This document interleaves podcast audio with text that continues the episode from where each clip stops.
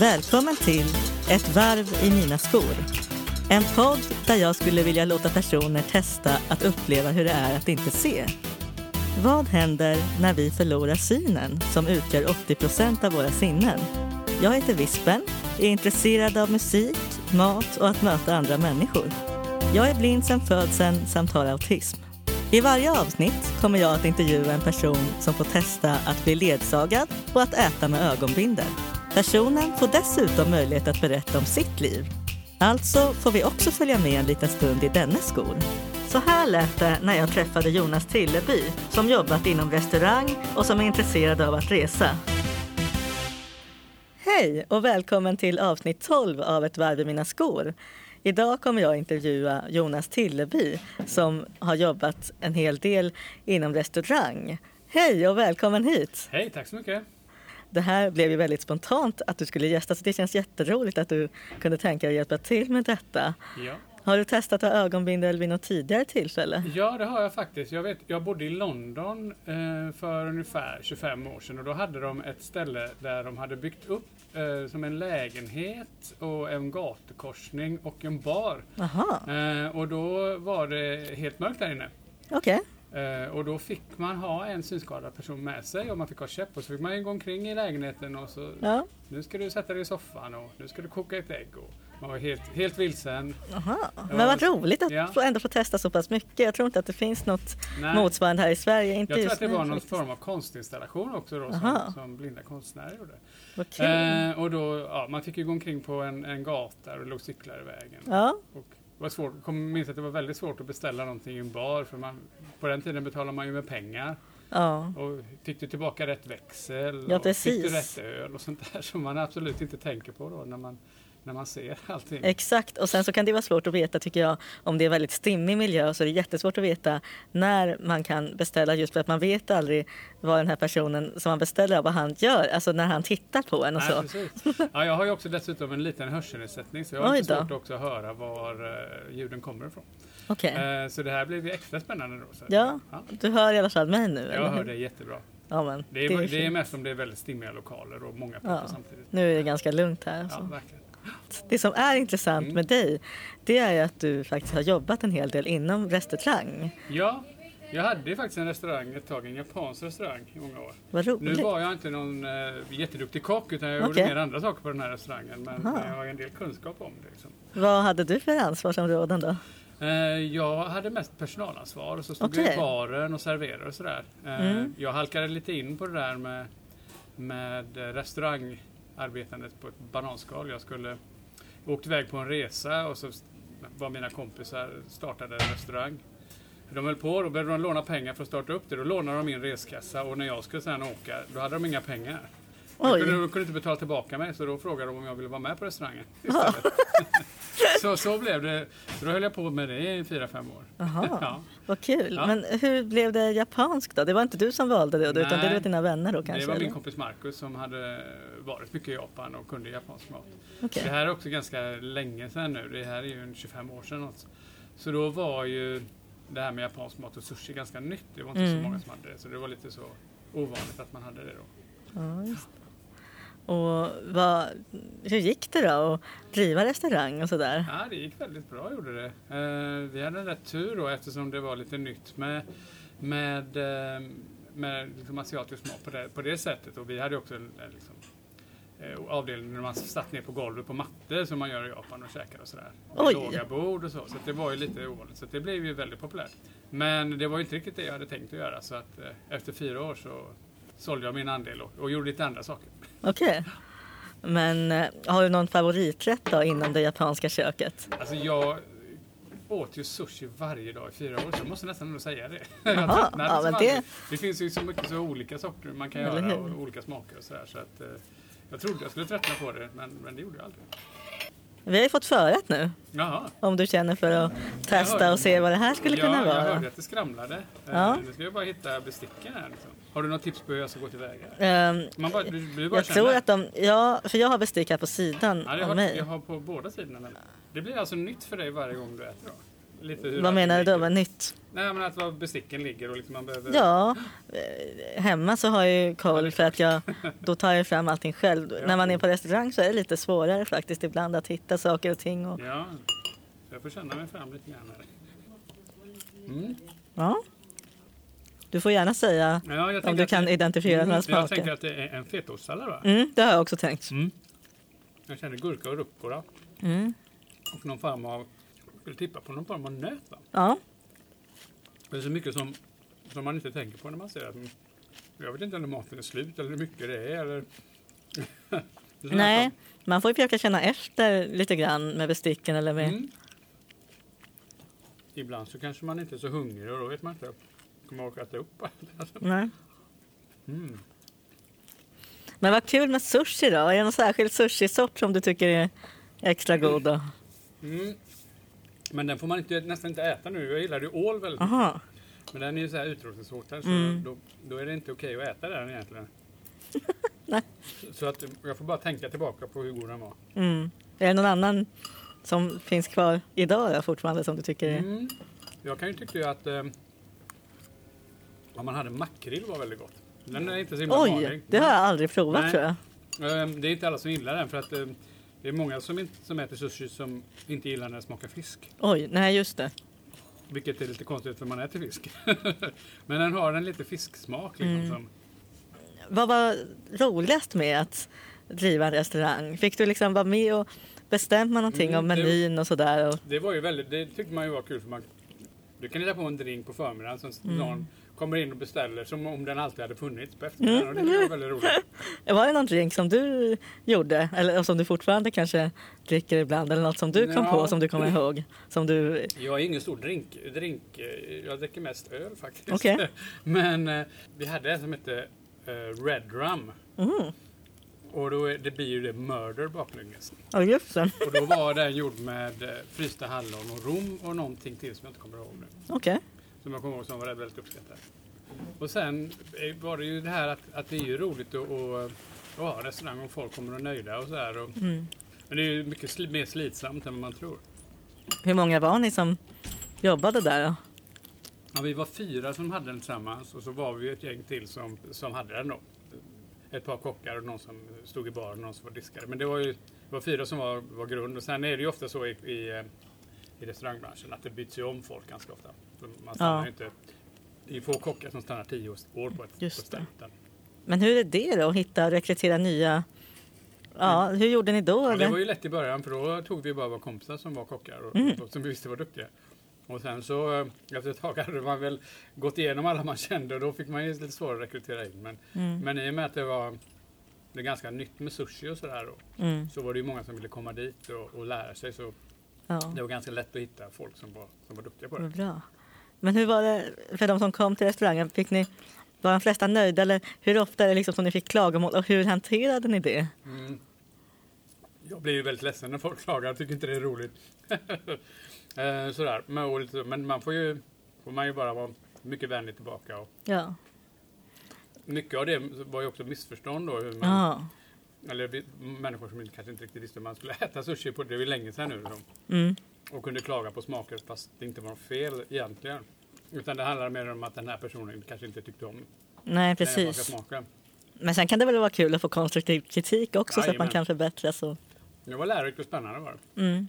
Vad var det som var svårast då? Eller var det någonting som du känner så här, det här, nu när du inte jobbar på restaurang längre, att du känner att det här saknar jag inte till exempel? Nej, det är ju den stressen som är. Framförallt, Mm. framförallt när det är jättemycket folk och om det kommer väldigt mycket folk väldigt snabbt som man inte hinner med. Så man alltid jobbar lite i uppförsbacke.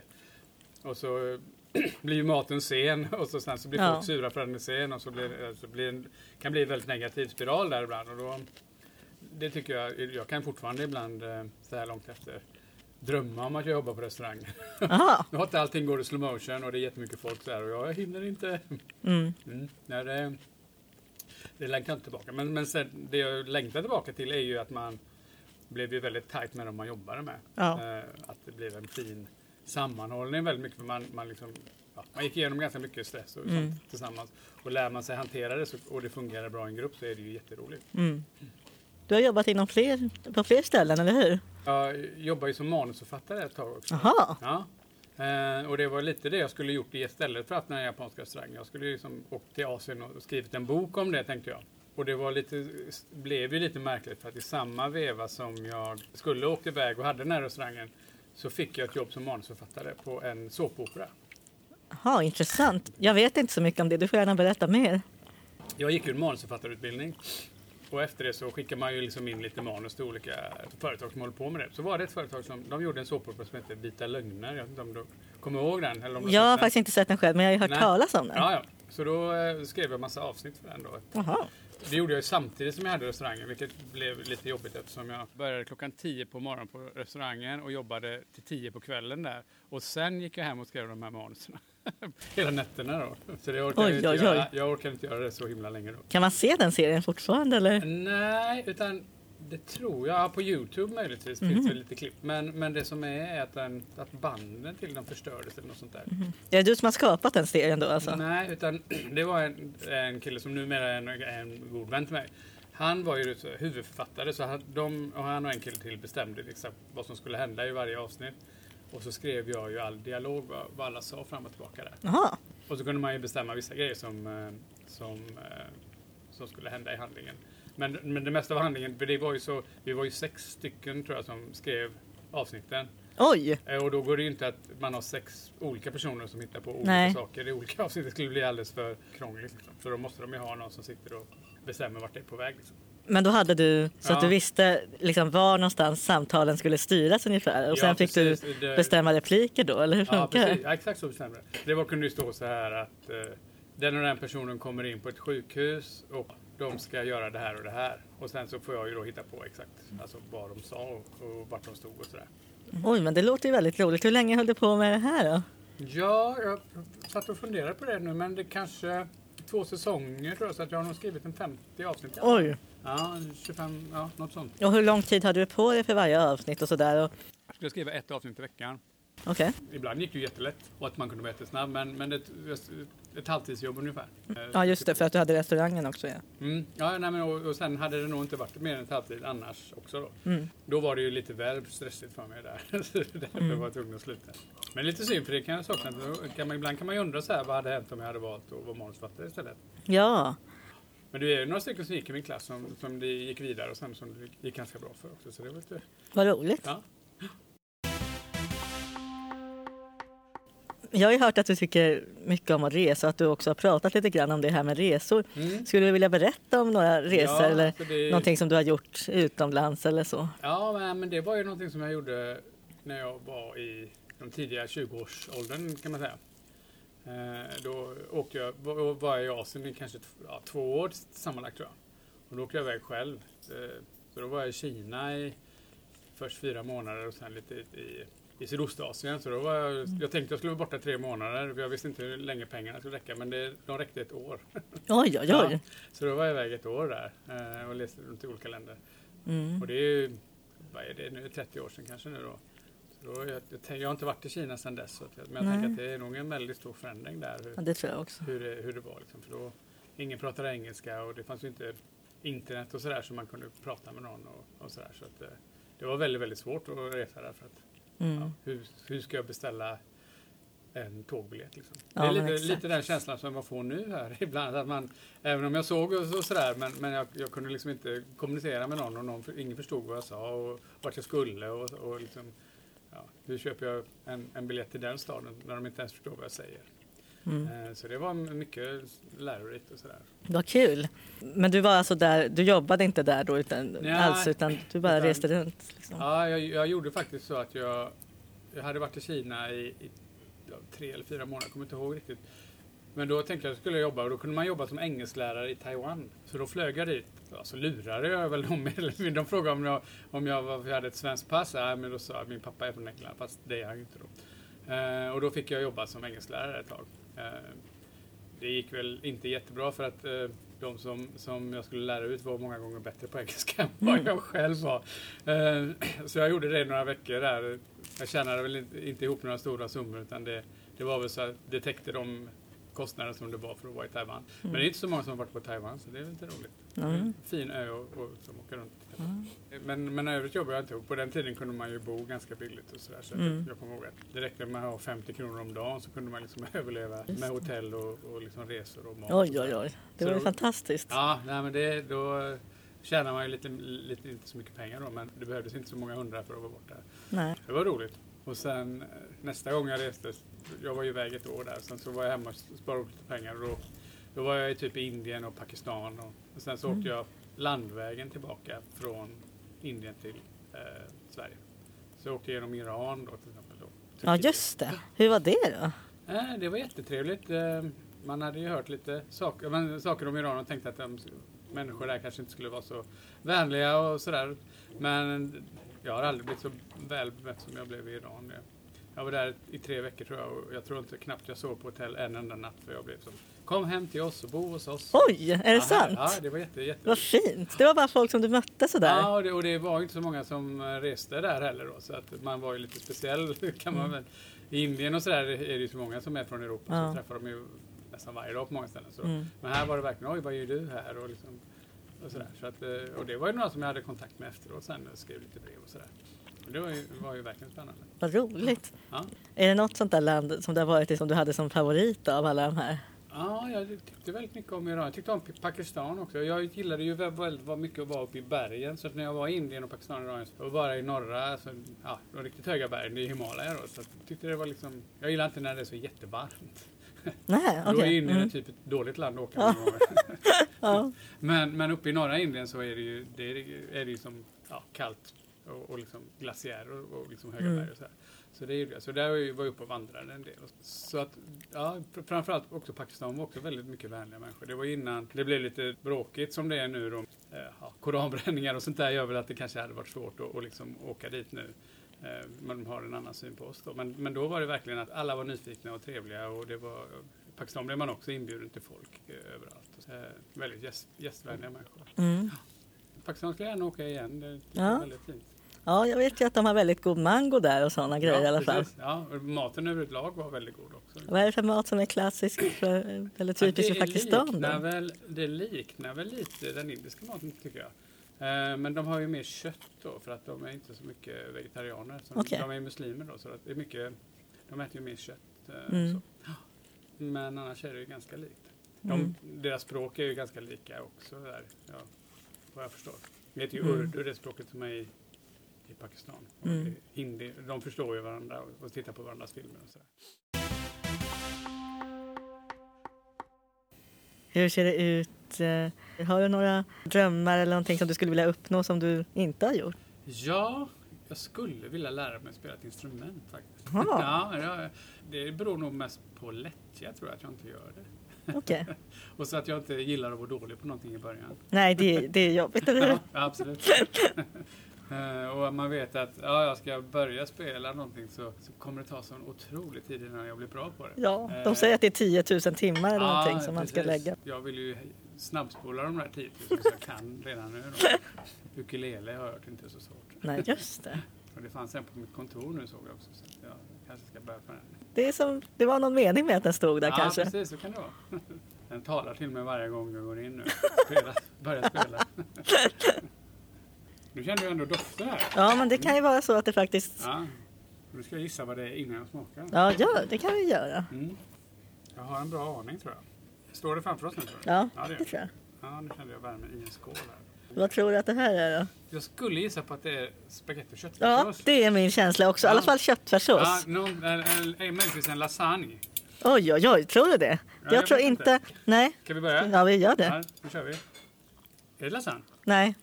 Men det var det första du sa, tror jag. Eller som jag också tänkte. Mm, Min jag försökte spontana. Mm. Ja, men jag snurrade upp, eh, som man kan göra med spagetti, men, men Ja. så fick jag inte upp någonting. Jo, men visst är det spagetti? Mm. Den var lite delad, tror jag. Mm. Så måste det vara. Har du någon favoriträtt annars som du brukar laga eller så? Alltså jag gillar ju spagetti och köttfärssås väldigt mycket. Okej. Mm. Ehm, och göra den att den står och, och går väldigt länge. Mm. Men den här går. Mm. Man tänker att vi visar rätt båda två. Eller hur? Mm, mm. Det är inte varje dag alltså. Finns det någonting oväntat då som du tror att det här vet inte folk om mig? Ja, jag, alltså de som känner mig vet ju men, kanske, men jag har ju, jag är ganska bra på att sjunga faktiskt. Oj, vad en, talang, roligt! en talang som jag inte har, har liksom, som jag skulle nog kanske kunna bli ganska bra på om jag, om jag la ner lite tid på det.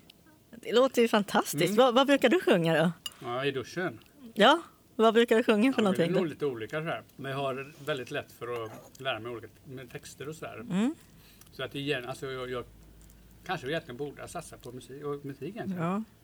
Ja, men det är ju inte för sent. Det är aldrig för sent säger jag. För jag, Ehm, jag har en kompis som är gitarrlärare och han har en, en, ehm, en elev som hon var över 80 när hon började spela gitarr. Så Mm. jag har några år kvar. Absolut. Mm. Och jag har ju ukulelen som står där och, och talar till mig varje dag. Vad gillar du för musik då? Alltså jag var ju, jag var ju väldigt, väldigt musikintresserad. Mm. Alltså köpte skivor och sådär. Men sen när alla de här Spotify, eller alla de här kom, streamingtjänsterna, det blev lite för mycket för mig på något sätt. Oj då. Jag kan inte välja längre vilken musik jag vill lyssna eller, Mm. För jag sätter på en låt och så går det 30 sekunder och så kommer jag på jag vill höra en annan låt. Oj, oj, oj. Och så håller jag på så. Och till slut så bara, nej men usch, det- vad jobbigt det är. Ja. Ja, det kan vara samma sak svårt när det finns så mycket att välja. Jag har väldigt svårt att välja filmer nu för tiden. För helt plötsligt finns innan gick man ju hyrde en film. Så här, och då tittar man, var man tvungen att titta på den. Men nu finns det ju massor och massor och massor, massor med olika. Jag kan inte välja och det är samma med musiken. Jag, jag har liksom tappat. Jag saknar att, att sätta på en skiva och lyssna på den från början till slut. Ja, det är, det är lite sådär när det finns för mycket, för många val och så Ja, tänker man åh, jag måste lyssna på det, jag måste lyssna på det. Man hinner inte allt man vill. nej. Och sen Så så, blir det. att man lyssnar på 30 sekunder. Och så, nej den här var inte bra, den här var inte bra. Det är lite, lite hetsigt sådär. Ja. ja. Vad roligt det här med sången. Det, får vi, det skulle vara kul att höra. Någon sång vi får- kanske? Ja, jag har haussat upp mig själv. Kanske alla tycker jag sjunger Jag, jättebra. skulle, det är lite, jag tror inte att man får... Jag hade gärna bett dig sjunga i podden men då hade det behövt vara något egenskrivet tror jag. Man får inte sjunga andras låtar hur som helst och då- publicera Då det. kommer ju Stim och klaga på det. Ja. Mm. Så det var ju synd. Eller så får du betala vad de nu var, 5000 och sånt där. Ja. Och det kanske, det kanske blir lite dyrt för, för att höra mig sjunga. Ja. Det var ändå tacksam mat för mig som inte är van Mm. ja, det här... Eller hur? Det var ju delat och Ja. klart. Det var inte alls... Ibland har man ju blivit serverad någon köttbit eller något annat som där man behöver dela. Och det här var dessutom skålar med kanter så att man inte spill. Precis, ja, spillde, jag så att det här att det var här, de, någon väldigt som bra. har eh, tänkt till här. Ja, verkligen. Men är det något yrke då som du skulle vilja testa som du inte har provat? Jag har inte riktigt tänkt. Jag har liksom alltid bara, det har liksom bara ramlat, jag har ramlat in på saker. Det har varit Ja. bananskal som Mm. jag har halkat in på. Men de, bananskalen verkar tyvärr bli, eh, de är inte lika vanliga när man är äldre verkar det som. När man är ung så finns det väldigt mycket folk som slänger bananer överallt som man halkar på. Men, men nu när jag har blivit äldre så, så märker jag att de kommer, kommer mer sällan. Men, ja vad skulle man vilja? Nej, jag tror inte det är något sånt där. Nej. Jag tror att jag ändå hittat eh, det jag gillar att göra på något sätt. Ja, du gillar det här lite att planera och Mm. det är det du har fått ett vikariat nu eller hur? Som Mm. samordnare. Ja. Och eh, hur ser du på det? ja, det skulle bli väldigt spännande. Jag har ju inte jobbat inom en, en sån här verksamhet innan. Eh, så det blir ju helt En daglig en verksamhet? daglig verksamhet. Precis. Eh, så att eh, där jag jobbade innan så hade vi genomförandeplaner och, och så också och, och jobbade mot mål. Men, men det såg lite annan, annorlunda ut där. Så jag har ju väldigt mycket att lära och jag tänker att får lära mig med alla som, som är på, på grunden då, som, som får lära mig hur man gör det här. Som jag Ja. tänker att det ska gå bra för jag är ganska snabb på att lära mig. Har du eh, några mål då med det här halvåret? Eh, ja, jag vill ju lära mig eh, mer om, om daglig verksamhet och, och liksom vad det innebär. Och, eh, och sen så får jag väl säga, jag, jag, jag är tjänstledig från mitt andra jobb men, men eh, ja, jag vet inte, jag kanske alltid kommer jobba med daglig verksamhet, man vet inte. Nej, Jag tycker det var, det var dags för mig att pröva något nytt. Eh, det kanske är det nya bananskalet Ja, som det här är ju definitivt ett bananskal. öppnar upp något som, nytt. nå- som är slängt ut. Men de kommer ju bara var 14 år nu så att... eh, så det kanske dröjer nu då tills jag nästan är pensionär innan det nästa kommer. Mm. Eller så är nästa bananskal att du halkar ut i pension då. Ja, man vet inte. Oj, oj, oj, nej, just det. Ja, men det är ju också spännande. Då får Ja. man ju försöka hitta nya grejer att göra. Ja, ja, det, det, verkar, det är 14 år kvar så att, eh, mer än det. Det låter som att du är en person som ändå tycker om när det händer saker och som vill förändra. Ja, så är det definitivt. Och det är väldigt roligt tycker jag. Att det hörs att du fortfarande har ett driv låter det som. Ja, jo, att du det- vill någonting. Och det tycker jag känns som en väldigt bra egenskap. Ja, och jag tror det skulle vara svårt att jobba på grund av om man inte hade det. Liksom. Då, Mm. då är man nog inte på rätt ställe. Liksom. Nu försöker jag hitta vattnet här. Mm. Det är framför dig någonstans där. Ja, ja. Du tror att du har jättebra koll på vart, vart mitt vatten är. Jag utgick från att det stod ungefär Ja, ja, jag, i, som, i samma som jag. tänkte Alltså, det stod framför mig. Så att, ska ja. jag- Då ska jag memorera vart det är nästa gång. Så kanske ja, men exakt. Ja, det är nästan intressant att göra detta till en, som en slags filmad podd. För att det är, Aha, ja. det, jag vet inte om alla skulle vara så taggade på att bli filmade när de håller på att äta. Det är det. nej, nej. Det, men om det är en del av premissen så, premissen så hade det... Ja, ja, du får gärna hjälpa till att hitta, för jag behöver hitta fler personer Mm. att intervjua. Och det kan ju vara verkligen om nästan vad som helst. Det kan ju vara att de har jobbat inom något som de vill prata om eller att de har upplevt något annat som är intressant. Och det brukar ju vara ett par ämnen då som diskuteras Ja. i varje avsnitt och så Mm. får man, det är väldigt mycket individen själv som får Ja. bestämma. Så att, är det något annat som du skulle vilja prata om som du känner? Nej, inte så på rak arm där. Det har jag inte nog... eh, Nej? Jag tyckte bara att det här var väldigt spännande och ett jättebra upplägg för det.